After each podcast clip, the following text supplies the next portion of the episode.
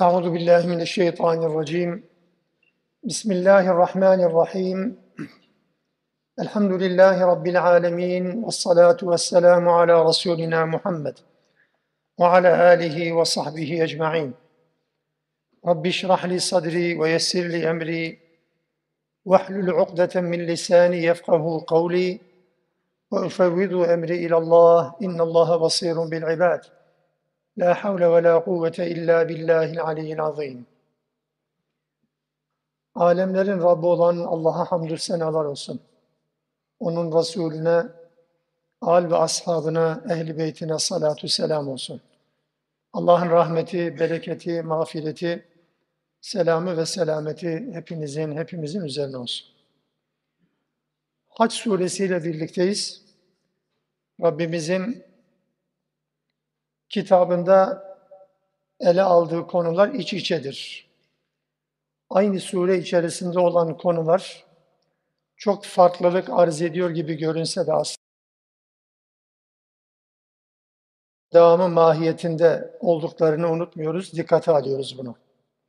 Geçen dersimizde yani 42. ayete kadar ki son birkaç ayette Rabbimiz savaşla ilgili Müslümanlara izin verdi. Daha önce mukavemet etmek, kendilerine yapılan zulümlere misliyle mukabelede bulunmak yasaklanmışken, Hac suresinin bu ayetiyle birlikte, ayetleriyle birlikte savaşa artık izin verildi. Güce güç kullanma, güce karşı güç kullanma ruhsatı tanındı. Bununla alakalı Rabbimiz ortaya bir ilke koydu. Özellikle bütün kutsalların, ister manastır, ister kilise, ister mescit, ister havra, ibadet mekanlarının ayakta kalabilmesi, dolayısıyla inançların muhafaza edilebilmesi için insanların bir mukavemet göstermesi, bir direnç sağlaması, gerektiğinde savaşla bunu ortaya koyması, candan ve maldan vazgeçmesini gerektirir. Bunun için Allah Teala savaşı bir kural haline getirdi. Ve 43. ayetle birlikte savaştan ziyade davette bulunan insanların, özelde peygamberin, genelde bütün Müslümanların, bütün zamanlar için muhatap kitlenin uyarılmasına yönelik, davetçinin de tesellisine yönelik Rabbimizin hatırlatmaları var.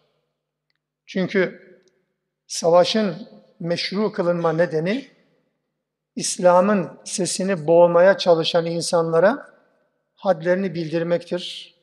Dolayısıyla İslam'ın anlatıldığı bir toplumda elbette birilerinin bundan rahatsızlık duyması son derece normaldir. Bu bazen çatışmaya bile neden olabilir. İşte Rabbimiz bunu anlattı. Ama neticede özelde peygambere, genelde bütün Müslümanlara karşılaştıkları bu inkarın, yadırgamanın, dışlamanın sıradan olduğunu, öteden beri, Adem'den beri bir insanlık yasası olduğunu Rabbimiz hatırlatmış olacak. Bu ayetlerde bu bölüm bize bu anlamda bir yol göstermiş olacak. Nasıl davranacağız? Nasıl davranmamız gerekir? Nasıl bir tutum takınmamız, takılmamız gerekir? Bunu anlatan bir bölüm. Bismillahirrahmanirrahim. Ve in yukezzibuke fakat kezzebet qablahum kavmu Nuhin ve Adın ve Semud. Eğer bu insanlar seni yalanladılarsa, yalanlıyorlarsa, şunu bil ve unutma ki, daha önce de Nuh'un kavmi Nuh'u yalanladı, Ad kavmi Hud'u yalanladı, Semud kavmi Salih'i yalanladı. Ve kavmu İbrahim'e ve kavmu Lut. İbrahim'in kavmi İbrahim'i yalanladı, Lut'un kavmi Lut'u yalanladı. Ve ashabu Medyen, Medyenler, yani şu Ayb'in kavmi, bazen de Eykeller diye ifade edilir bu. Medyen kavmi de yalanladı. Ve kuzzibe Musa. Ve Musa da yalanlandı. Musa da yalanlandı. Dikkatinizi çekmek isterim bu kelimeye. Allah Teala diğer peygamberlerden bahsederken kavimlerinin kendilerini yalanladığını söz etti. Ama Musa'dan bahsederken Musa da yalanlandı. Edilgen bir yapı kullandı. Yani Musa'yı kavminin yalanladığını değil, yalanlandığını kim tarafından orasını meçhul bıraktı. Çünkü Kur'an da bize bunu açıkça bildiriyor ki Musa Aleyhisselam'ın kavmi olan İsrailoğulları doğrudan Musa'yı yalanlamadılar. Musa'yı yalanlayan Firavun ve çevresiydi. İsrailoğulları zaman zaman aksilik çıkarsalar da, zaman zaman zorluk çıkarsalar da nübüvvetle alakalı, vahiy ile alakalı neticede yalanlayan bir toplumdan ziyade inanan ama inanmamış gibi davranan bir toplum diyebiliriz İsrailoğullarına.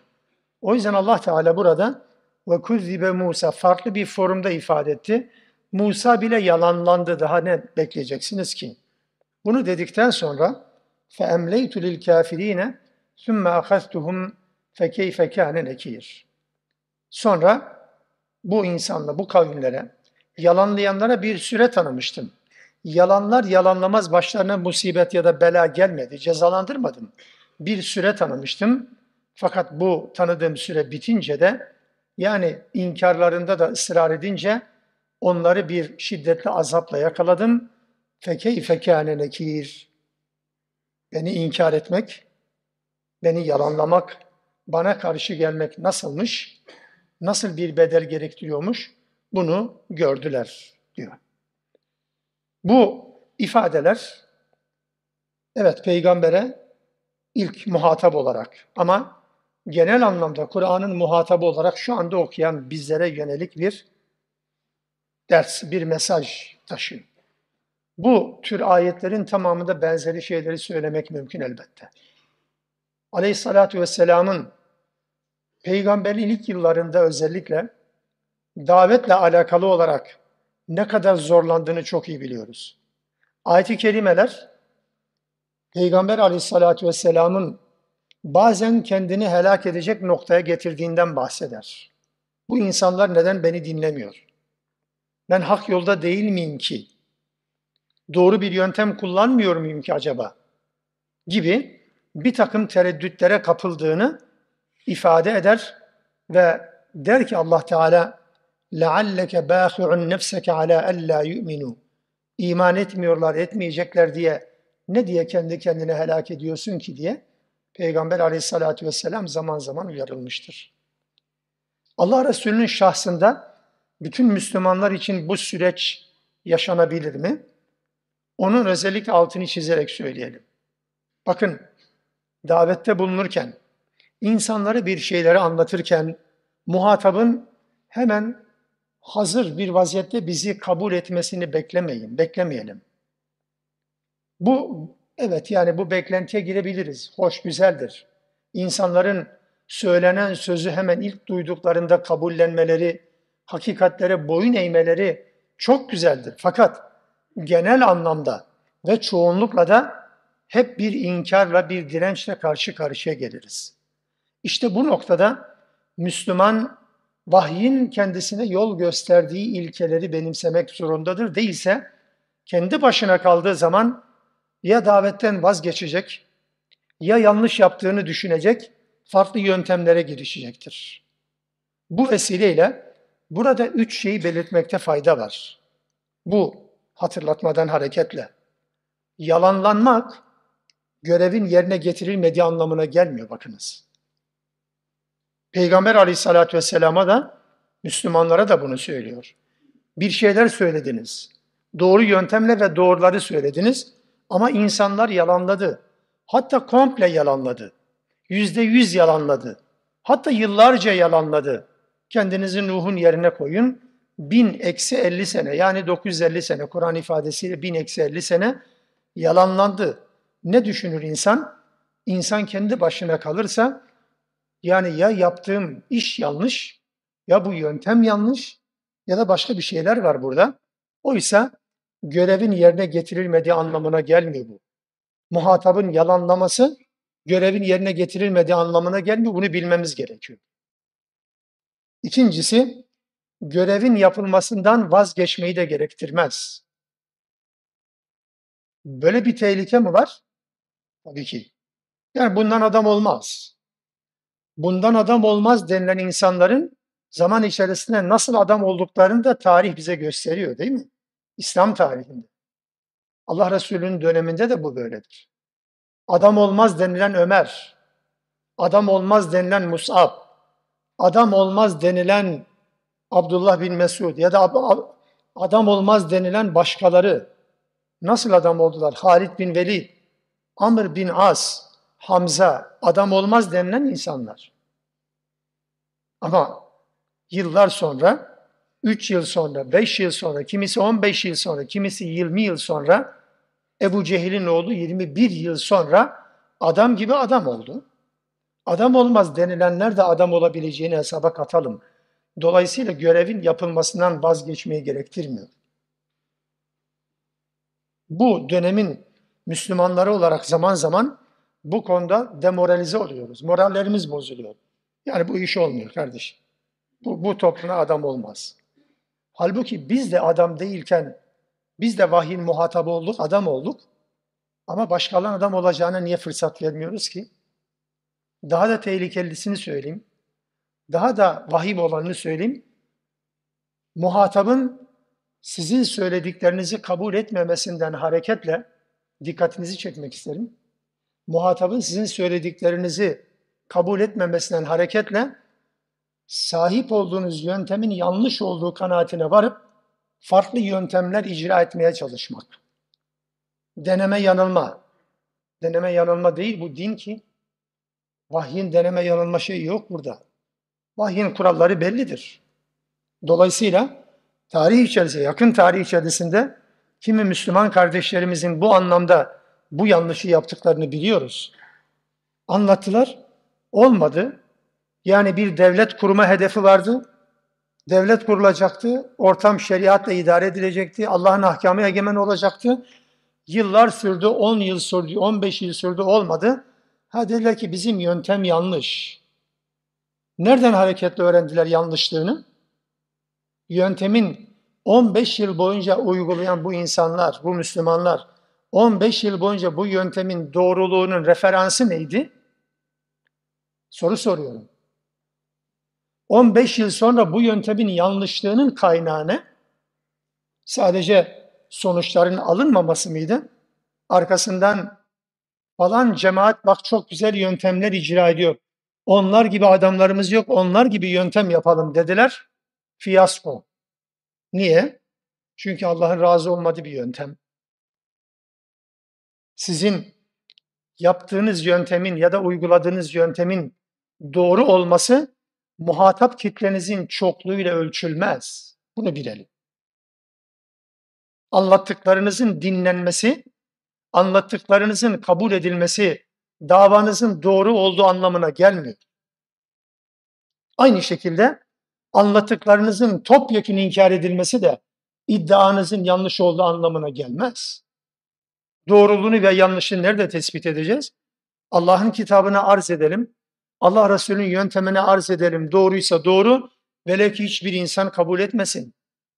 Zaman zaman burada hatırlatıyoruz. Allah Teala peygamberleri niye bize anlatır? Hazreti Nuh'un bin eksi elli sene süren davetinde, tebliğinde bir gemiye binecek kadar bir avuç insan, rivayetlere göre 60 kişi, hadi en abartılı rivayete göre 80 kişi, hadi 80 de sizden olsun 100, 100 60 kişi olsun hadi bakalım. 950 sene. Kaç yıla bir adam düşüyor? Bizim davet anlayışımızda bir problem var bu anlamda. Lut'un kavmini melekler helak etmek için indiğinde Zariyat suresinin 37. ayetinde ne der Rabbimiz? Biz o kavmi helak ettiğimiz zaman orada Müslüman olan bir evden başka Müslüman kimse yok. Peygamber Allah destekli yüzde yüz mutlak anlamda doğru bir yöntem, doğru bir gidişat, doğru bir insan ve doğru bir şekil. Ama buna rağmen sonuç bu. Unutmayalım, davetimizin muhataplarının fazlalığı bizim doğru yaptığımız anlamına gelmez. Yanıltıyor bizi bu. Yakın tarihte çok yanıltı bu. Kalabalıklar bizi yanıltmasın. Haydi dendiği zaman arkanızda kimsenin olmadığı bir dönemse e, bir anlamı kalmadı ki. O yüzden Allah Resulü aleyhissalatü vesselam vahyin merkezini bize anlattı bu anlamda ortaya koydu.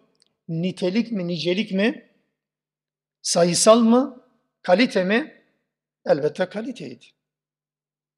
O yüzden kelle sayımız ne kadar bununla çok fazla ilgilenmedi. Gücümüz ne kadar ilgilenmedi. Nasılız dedi. O yüzden Bedir'e hadi çıkılacak dendiği zaman da ani bir savaş kararı, savaş yok aslında. Öyle bir sefer niyeti yok ama savaş şartları oluştu. Savaşılacak. Haydi dendiği zaman 317 kişi, hepsi o zaten. Hiçbir tanesi de geri durmadı. Silahları mı vardı? Yok. At deve mi vardı? O da yok. Ama ölümü öldüren insanlar. Öbürleri, öbürler olmaz ki. Onun için inkar edilmek, yalanlanmak, reddedilmek, yadırganmak ve dışlanmak görevin yapılmasından vazgeçmeyi gerektirmez, taktik değiştirmeyi de gerektirmez. Taktiğiniz yanlışsa vahye göre yanlışı düzeltin, o ayrı bir konu. Ama taktiğin yanlışlığını muhatap kitlenin azlığına bağlamazsınız, bağlayamazsınız. Vahim bir sonuçtur bu, vahim bir yanlıştır bu. Altını çizerek söylüyorum. Muhataplarınızın azlığı, davetinizin istediğiniz şekilde yayılmaması davet yönteminizin yanlışlı anlamına gelmez. Habre taktik değiştirirsiniz. Ne olacak da? Bir daha deneme yanılma, bir daha bu, bu din oyuncak değil ya. Bu dinin kuralları vardır. Üçüncü bir kural, yalanlayanların gücü ve egemenliği helak olmalarına engel olmaz. Bunu da bilmemiz lazım, onlara da bildirilmesi lazım. Bugün gücünüz yerinde, bugün siz ahkam kesebilirsiniz diyeceğiz onlara, yalanlayanlara. Bugün sizin borunuz ötebilir, bugün sizin sözünüz geçebilir ama bu yarın devam edecek anlamına gelmez. Nitekim de olmadı. Nitekim de olmadı. Bu coğrafyalarda Allah'ın adını anmanın bile yasaklandığı bir dönem. Yasaklayanlar nerede? Bin yıl sürecek denilen 28 Şubat sürecinin mimarları nerede? Yakın tarihte bütün planları, bütün çabaları sabahtan akşama, akşamdan sabaha kadar bütün komploları, Müslümanları yok etme, İslam'ı tamamen etkisiz hale getirme olan bu insanlar nerede şimdi? E, hal böyledir. Bunu bilecek Müslümanlar. Müslümanların yalanlandıkları, dışlandıkları, horlandıkları dönemlerde bilecekler ki bu böyle devam etmeyecek. Allah Teala daha önceki bölümde de söyledik. Allah Teala'nın yardımı mutlak gelecek. Tabi bu yardım bizim adım atmamıza bağlıdır. Yan gelip yatmamıza değil. Allah Teala bunu bize hatırlattıktan sonra der ki فَكَأَيِّن min قَرْيَةٍ اَهْلَكْنَاهَا وَهِيَ ظَالِمَةٌ فَهِيَ خَاوِيَةٌ عَلَى عُرُوشِهَا وَبِئْرٍ مُعَطَّلَةٍ وَقَصْرٍ مَشِيدٍ Birçok memleket vardı. Kariye kelimesi Kur'an-ı Kerim'de, kariye normalde Arapçada köy demektir. O anlamda değil. Belde insanların yaşadıkları yer, büyük ya da küçük yer fark etmez. O yüzden memleket diye çevrilebilir, belde diye çevirmek daha güzeldir. Kimi mahallelerde köy diye çevrilir. Köy değil, köy, kasaba falan değil bu. Belde, memleket, insanların bulunduğu yer. Bu metropol da olabilir. Bu küçük bir köy de olabilir, fark etmez. Nice belde memleket vardı ki oraların halkı zulmetmekteyken, dikkatinizi çekelim, zulmetmekteyken biz onları helak ettik. Ve bu memleketlerin bugünkü haline bir bakın diyor Allah Teala. Bir baksanıza, altı üstü olmuş, altı üstüne gelmiş, çatıları çökmüş, kuyuları terk edilmiş, kullanılmaz hale gelmiş. Suları var kullanılmıyor veya suları çekilmiş. Görkemli sarayları, şatoları şimdi harabeye dönmüş. Baykuşlar ötüyor. Ne haber? Bunların tümünü helak ettik. Hiç helak edilmeyecek, hiç son bulmayacak bir saltanat vardı. Öyle zannediliyordu. Hatta Müslümanlar da zaman zaman zaafa düştükleri anlarda yok ya bu saltanatın biteceği yok falan diyorlardı. Bu mümkün değil diyorlardı. Musa Aleyhisselam'ın o serzenişini hatırlıyor muyuz Yunus suresinde? İsyan et, etme değil. Musa Aleyhisselam'ın şarteller attı, sinirlendi. Ya Rabbi dedi sen Firavun'a bu kadar saltanat veriyorsun, bu kadar ihtişam veriyorsun, bu kadar imkan veriyorsun. Seni yolundan saptırmak için mi? Yapma ya yani demeye getirdi. Allah Teala'da kuralları vardır, yasaları vardır. Eğer Allah Teala inkarcıların inkarından dolayı hemen helak etseydi, yeryüzünde zaten kimse inkar edecek mecali olmazdı. Herkes de zaten inanırdı ki Allah Teala böyle bir kuralı yok, mühlet verir. Allah Teala zulmeden bu memleketleri helak etti. Ve bu okuyacağımız ayetlerin içerisinde bu 45. ayette ve sonra gelecek olan 48. ayette iki tane birbirini tamamlayan kuraldan bahsedebiliriz. Allah'ın helak etmesi ve cezalandırması ile alakalı süreçle ilgili. Allah bazen süre vermeden helak eder. Bu ayette ifade edildiği üzere. Allah Teala bazen süre vermeden helak eder. 48. ayette de geleceği üzere onlara belli bir süre verir, öyle helak eder. O süre de insanların bazen de iyice sapıtmaları neden olacak kadar uzun sürebilir. Hatta bazen hatta bazen Müslümanların morallerinin bozulmasına ve Allah'la ilişkilerinin bile kopmasına bile neden olacak kadar süre uzayabilir. Ama neticede Allah Teala kendi takvimini işletir. O süreyi tanıdıktan sonra, o süre geldikten sonra da artık Allah'ın elinden kimse yakasını kurtaramıyor. Ve helakin nedeni Kur'an'dan öğrendiğimiz kadarıyla küfür değil kardeşlerim. İnkar değildir. Toplumların helakinin nedeni zulümdür. Zulüm. İnkarı zulme dönüştürürse eğer, kendi başına köşesine çekilmiş inkarcı insanlar diğerlerine göre bir derece masum sayılır. Helakla alakalı.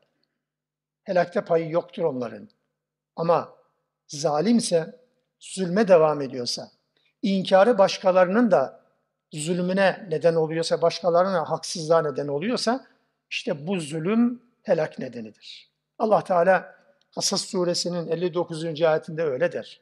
وَمَا كَانَ رَبُّكَ مُهْلِكَ الْقُرَى hatta yeb'ase fi ummiha rasula yetlu aleyhim ayatina biz ayetlerimizi kendilerine okuyacak bir elçi göndermedikçe ayetlerimizi insanlara anlatacak elçiler göndermedikçe hiçbir toplumu Allah Teala helak etmez. Ne anladık buradan? Bir zalim toplumun helakini istiyorsanız, bir zalimin top, zalim toplumun Allah'ın hedefine girmesini, radarına girmesini istiyorsanız, o zalim topluma Allah'ın ayetleriyle gitmeniz lazım. Ayetle gittiğiniz zaman helaki hak eder.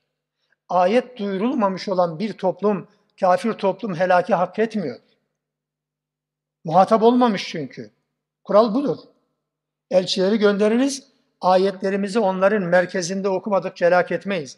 وَمَا كُنَّا مُهْلِكِ الْقُرَى اِلَّا وَاهْلُهَا ظَالِمُونَ Halkı zalim olmayan bir beldeyi de, bir memleketi de asla ve asla helak etmeyiz.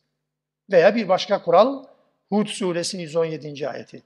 وَمَا كَانَ رَبُّكَ لِيُهْلِكَ الْقُرَى بِظُلْمٍ وَاَهْلُهَا مُصْلِحُونَ Ehli, halkı, kavmi ıslahçı olduğu halde, ıslahtan yana bir tavır ortaya koydukları halde Allah hiçbir toplumu helak etmez.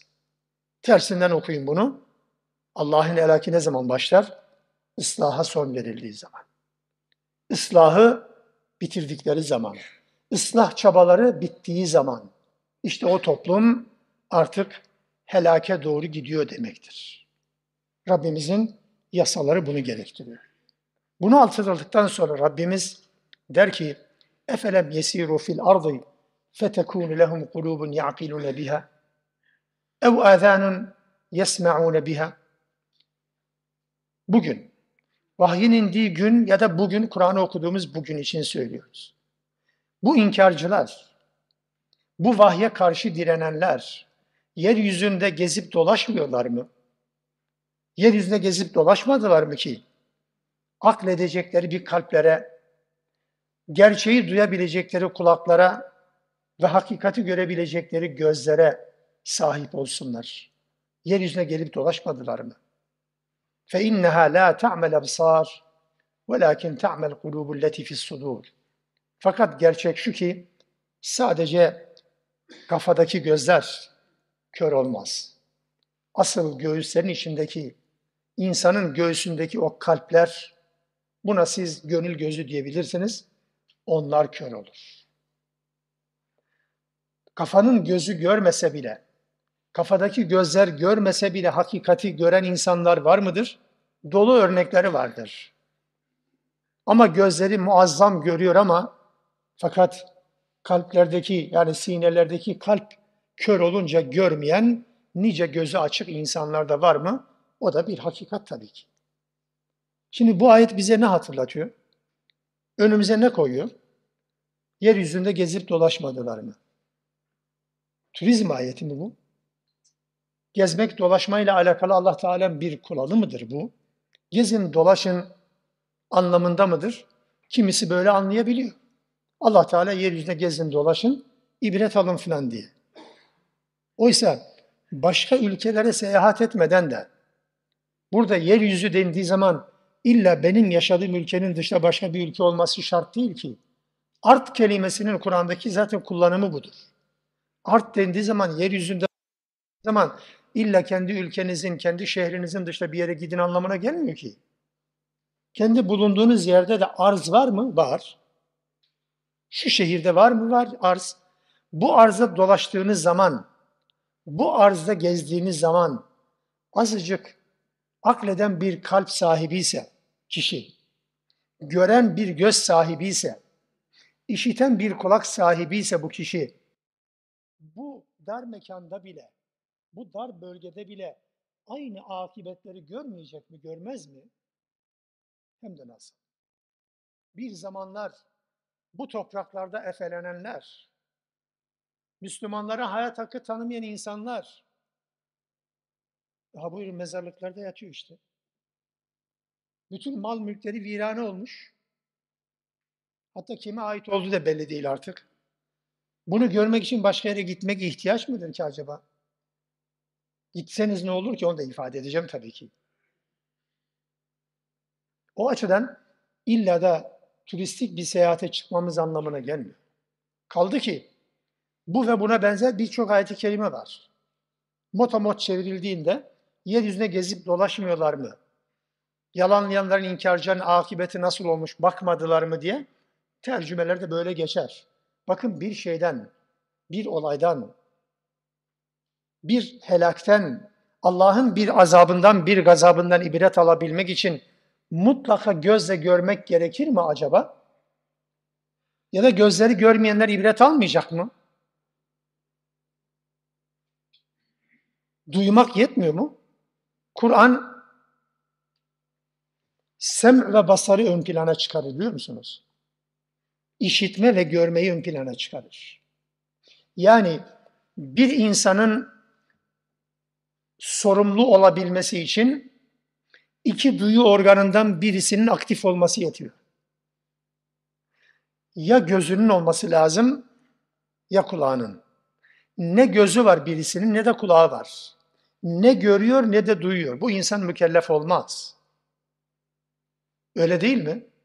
Başka duyu organı zaten kontak kurma imkanı yok ki. Göz ve kulak. İkisinden birisi sağlam olmalı. Gözü görmedi. Allah Teala dedi ki yeryüzüne gezip dolaşmadınız mı, görmediniz mi? Görmedi. Peki duymadınız mı? Biz görmediğimiz halde nice duyduğumuz olaylar üzerinden sinir krizi geçiriyoruz, üzülüyoruz. Görmedik ama duyuyoruz değil mi? Peki bize duyurulan haberi duyuran kişi, bize duyurulan Kur'an'daki haberleri duyuran kişi, yalan söyleme ihtimali olmayan, sadık olan Allah söylüyorsa peki ne diyeceğiz? E duyduktan sonra bir şey yok ki zaten. Yani Nuh kavminin helakiyle alakalı benim gidip illa gemiyi bulmam mı lazım? Gemiyi bulanlar iman mı etti sanki? Ya da Lut'un kavminin helak edildiği yerleri görmem, benim iman etmemde ne kadar etkili oldu? Arkeologlardan kaç tanesi iman etti hiç rastladınız mı? Kaç kişi? Yoktur değil ama ne kadar? Medeniyetleri ortaya çıkarıyor. Bulunduğunuz şehrin medeniyetini de ortaya çıkardı. Aslan Tepe'yi ortaya çıkaranlar iman mı ettiler? Bir dönem bu buralarda ne insanlar keyif sürmüşler, saltanat sürmüşler, vay be helak olmuş gitmişler diyen ve Müslüman olan kaç tane arkeolog vardı? Gezip dolaşmak. Böyle mi ki? O anlamda görmek gerekmiyor illa. Bir bilgi kaynağı yetiyor. Bir haber yetiyor bu anlamda. Kaldı ki modern dönemde mesela ruhsuz seyahatlerini dikkate aldığımız zaman bunu çok daha iyi anlamıyor muyuz? Bazı arkadaşlar mesela çocukları, gençleri Çanakkale'de neler yaşandı onlara göstermek için götürürler. Ben zaman zaman dinlerim. Tepkiler nasıl oldu? Çanakkale'de neyi görmeye gidiyorlar? Çanakkale'de yaşananların ibret alınması için. Nasıl ibret alacak? Çanakkale geçilmez denildi. Geçilmez demek için 250 bin şehit verildi deniyor. Ama gelinen noktada geçildi mi geçilmedi mi? Şehitler verilmeden önceki halle şimdiki hal arasında ne fark vardı? Ya da gençler gittiği zaman orada neler hissediyor? Oradaki eğlence mekanlarından, oradaki fuhşiyattan, oradaki gayri İslami bir hayattan hareketle ya burada 250 şehit gerçekten verilmiş mi diye ibret mi alarak dönüyor? Yoksa neler yediklerini, yol boyunca neleri ziyaret ettiklerini, nasıl binalar gördüklerini, nasıl bir zaman geçirdiklerinden bahsediyorlar. Çocuklar değil, büyükler de öyle değil mi? Nemrut'a güneşin batışını veya doğuşunu izleme giden kaç kişi güneşin doğuşundan, batışından hareketle Allahu Ekber dedi. Subhanallah dedi. Ne muhteşem bir doğuş, ne muhteşem bir batış dedi. Dedi mi ki kaç kişi dedi? O yüzden görmek insanı Müslüman yapmıyor. İbret almanın nedeni de değildir bu. Yeryüzünde gezip dolaşan, turistik seyahatlerde bulunanlar, gidenler, gelenler, elbette istisnalarından bahsetmiyorum genel anlamda. Ama gidenlerin, gelenlerin tamamı ibret almak yerine daha çok geçmişteki medeniyetlerin gücünü gelip bize anlatıyorlar. Mısır'a gidiyor, Firavun'un piramitleri ya ne muhteşem binalar yapmışlar. Allah diyor ki bu muhteşem binaların sahiplerinin yerinde yerler esiyor. O güçle bugünkü kalıntılara bakın adamların hiçbirisi yok şu anda. Yıllarca zulmettiler ve zulümden şimdi eser yok diye Allah Teala bize bir pencere açıyor. Bizimkiler de geliyor.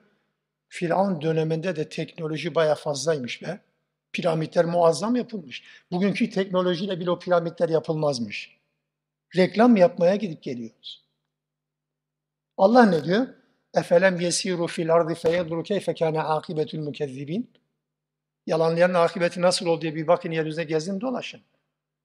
Böyle bir gezme dolaşmanın bir anlamı var mı? Belki hiçbiriniz Lut kavminin helak edildiği yeri görmedi. Belki değil, hiçbiriniz Nuh kavminin helak edildiği yeri görmedi, gemiyi de görmedi. Hala arıyorlar. Nerede? Arasınlar. Bulunca ne olacak da? Ben bulmadan zaten ayet olduğunu anlıyorum.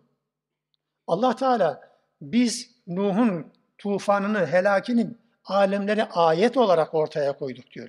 Ayet mevete ayettir. Ben görmedim ama ayettir. Nuh kavminin helakini okuduğum zaman tüylerim diken diken oluyor. Sizin de öyle. Ama görmedik. Görenler ne yapıyor? Görenler sadece bilimsel bir tespit yapıyor. Gemiyi bulacaklar. Acaba tahtaların cinsi nedir? Acaba hangi çivi kullanıldı? Acaba hangi teknoloji kullanıldı? Acaba buharlı mıydı? Motorlu muydu? Yelkenli miydi? Neydi falan? e, istediğiniz kadar. Ne, ne, ne anlayacaksınız ki? İbret almak bu değil.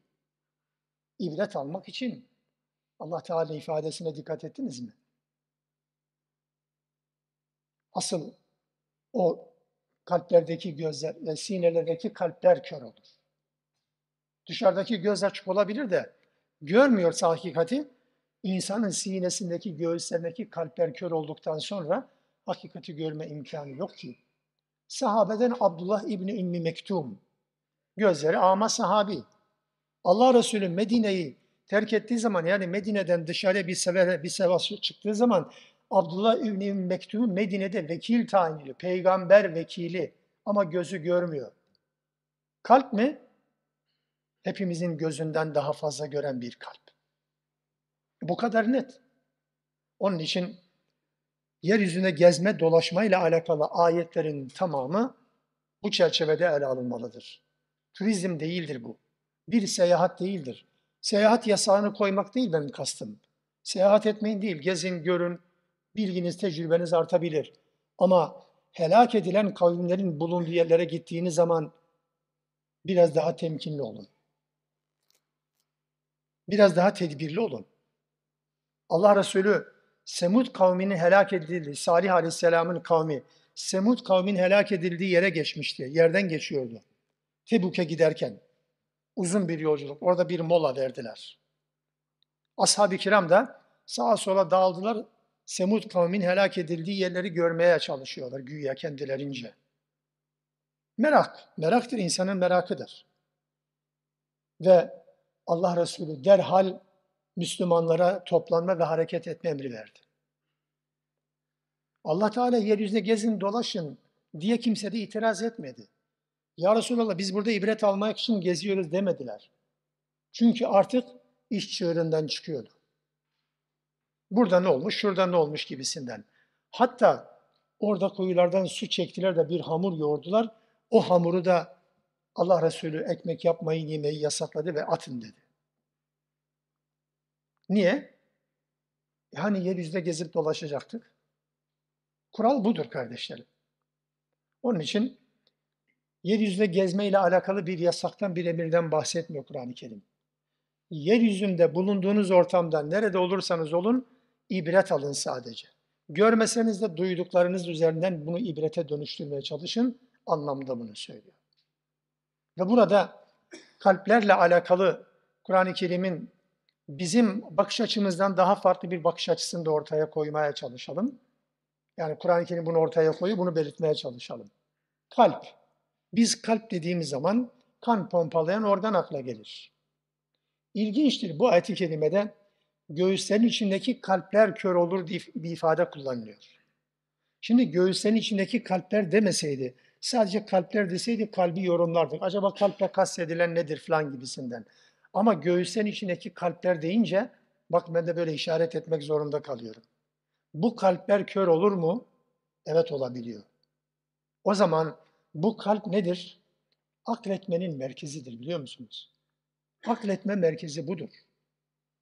Efendim yani modern bilim, çağdaş bilim akletmenin merkezini beyin falan ifade edebilir. Olabilir. Tıpçıların alanına girmiş olmayalım. Öyle bir şeyim yok ama hani beyin ölümü diye bir şey anlatılır ya. Bir de kalbin tamamen durması anlamında. Beyin ölümü tam bir ölüm değil biliyorsunuz. Beyin ölümü gerçekleşen bir insanın organları alınıp nakledilebiliyor.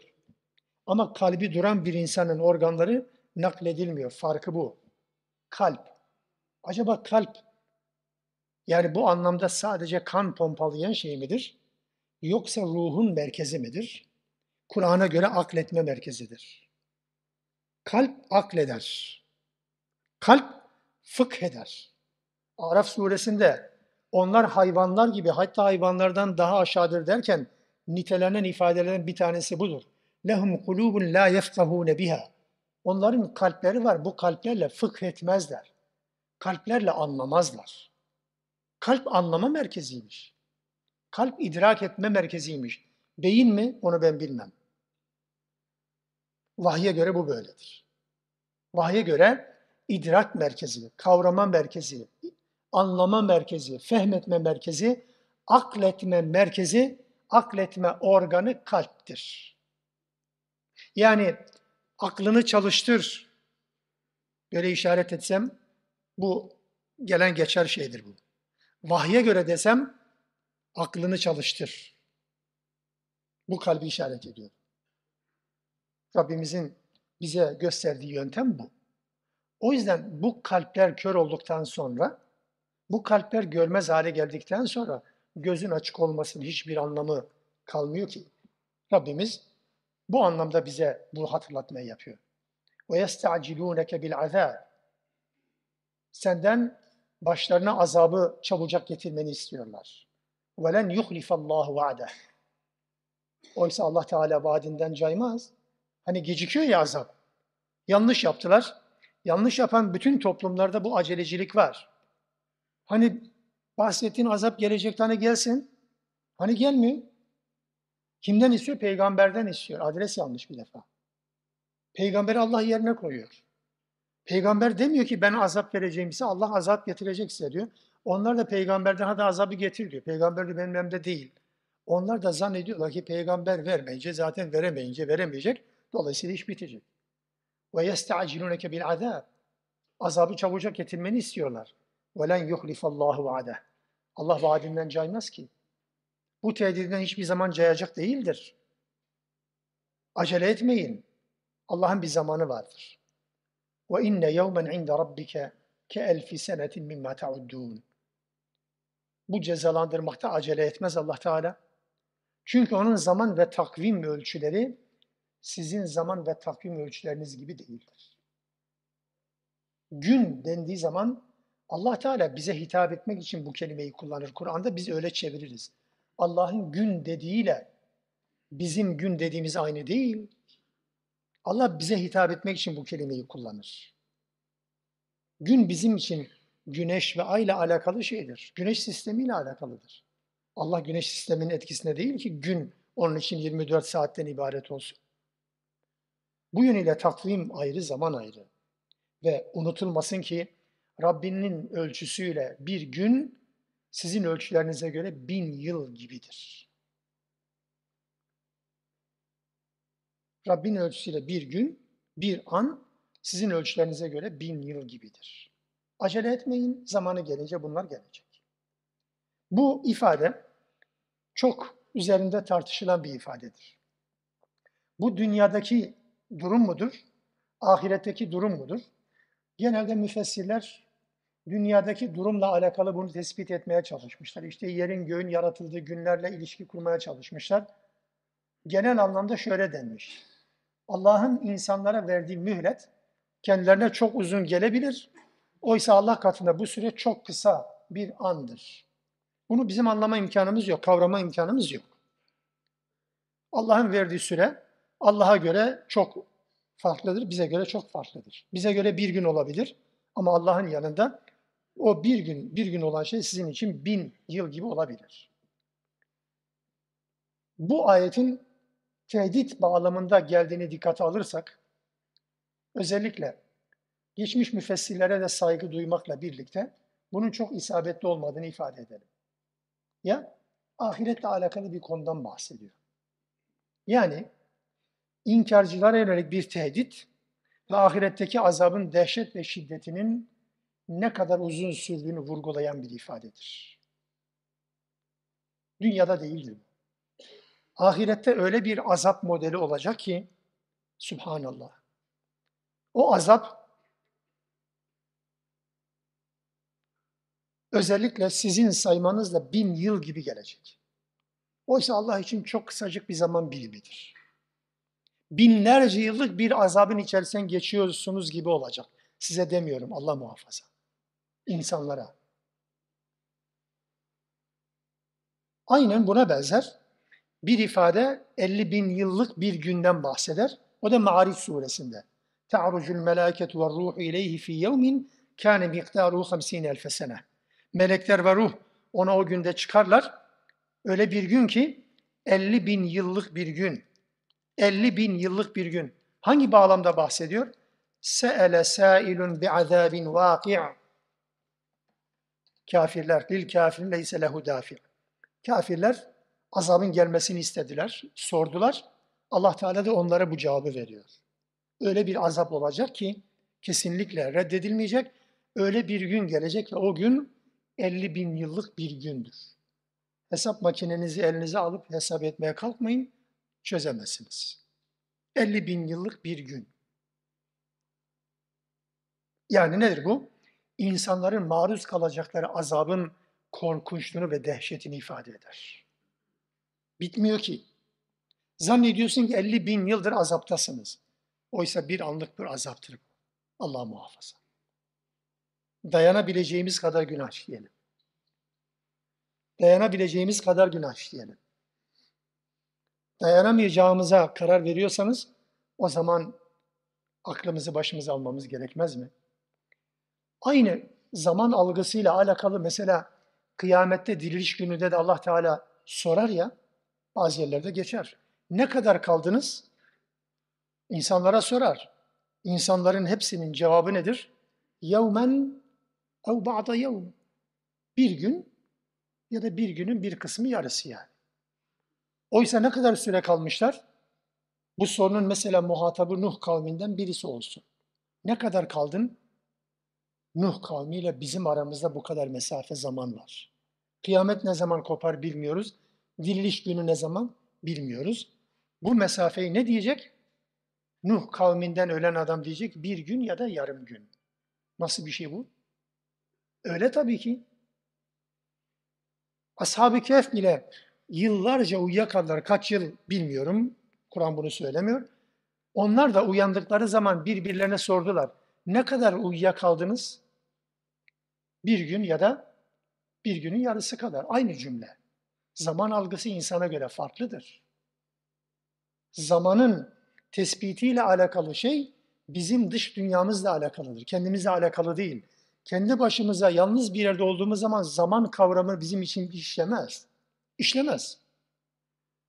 Ya mesela çocukken gördüğümüzün saçının başın ağardığını gördüğümüz zaman aa yaşlanmışsın. E sanki ben yaşlandım, sen yaşlanmadın mı? Sen de yaşlanmışsın. Hep beraber yaşıyoruz da. Nereden fark ediyoruz? Onun yaşlandığından fark ediyoruz. Yoksa zaman algısını tespit etme imkanımız yok.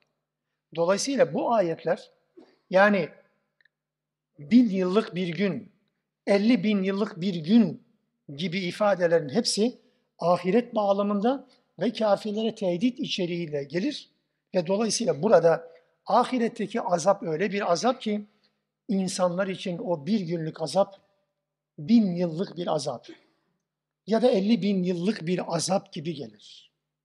Bu kadar uzun, bu kadar dehşetli ve bu kadar dehşetli bir azap döneminden bahseder. İşte Allah Teala onun için bize hatırlatıyor. Bakın böyle bir süreç var. Kime? İnkarcılara. Bunu bildirmemizi istiyor. Biz okuyoruz. Çünkü yarınımız bizler ne bekliyor? Yarın bize önümüzde neler var? Yaşıyoruz. Müslümanca akşamladık ama Müslümanca sabahlayacak mıyız? Allah muhafaza yaşıyorsanız bu tehlikeler her zaman için söz konusu. Onun için Müslümanlar da bunu okur. Ama bilelim ki bu ayetlerin asıl muhatabı inkarda direnenlerdir. 48. ayet Allah Teala'nın yeniden bir yasası. وَكَأَيِّن مِّنْ قَرْيَةٍ اَمْلَيْتُ لَهَا وَهِيَ ظَالِمَةٌ ثُمَّ أَخَذْتُهَا وَاِلَيَّ الْمَصِيرِ Halkı zulmetmekte, zulmetmekteyken hemen cezalandırmayıp kendilerine bir süre tanıdığımız birçok memleket var. Bu da bir kuraldır. Yine zulmetmekteyken, halkı zulmetmekte olanları Allah helak ediyor. Halkı inkar edenleri helak ettiğine dair bir ifade ben bilmiyorum. Zulmetmekte olanlar. Ve Allah Teala bunlara da mühlet veriyor. 45. ayette mühlet vermeden de helak edebilirdi. Bunu anlatıyordu. Burada da mühlet vererek helak ettiği kavimlerden bahsediyor. Fakat zamanı gelince, o mühlet sona erince şiddetli bir azapla onları yakaladım. Sonunda dönüş sadece banadır. Bana hesap vereceksiniz ve dünyada azabın ertelenmiş olması, azabın gecikmiş olması Allah'ın habersiz olduğu anlamına gelmiyor. Müslümanlar da bazen bu yanılgıya düşebilir. Öyle değil.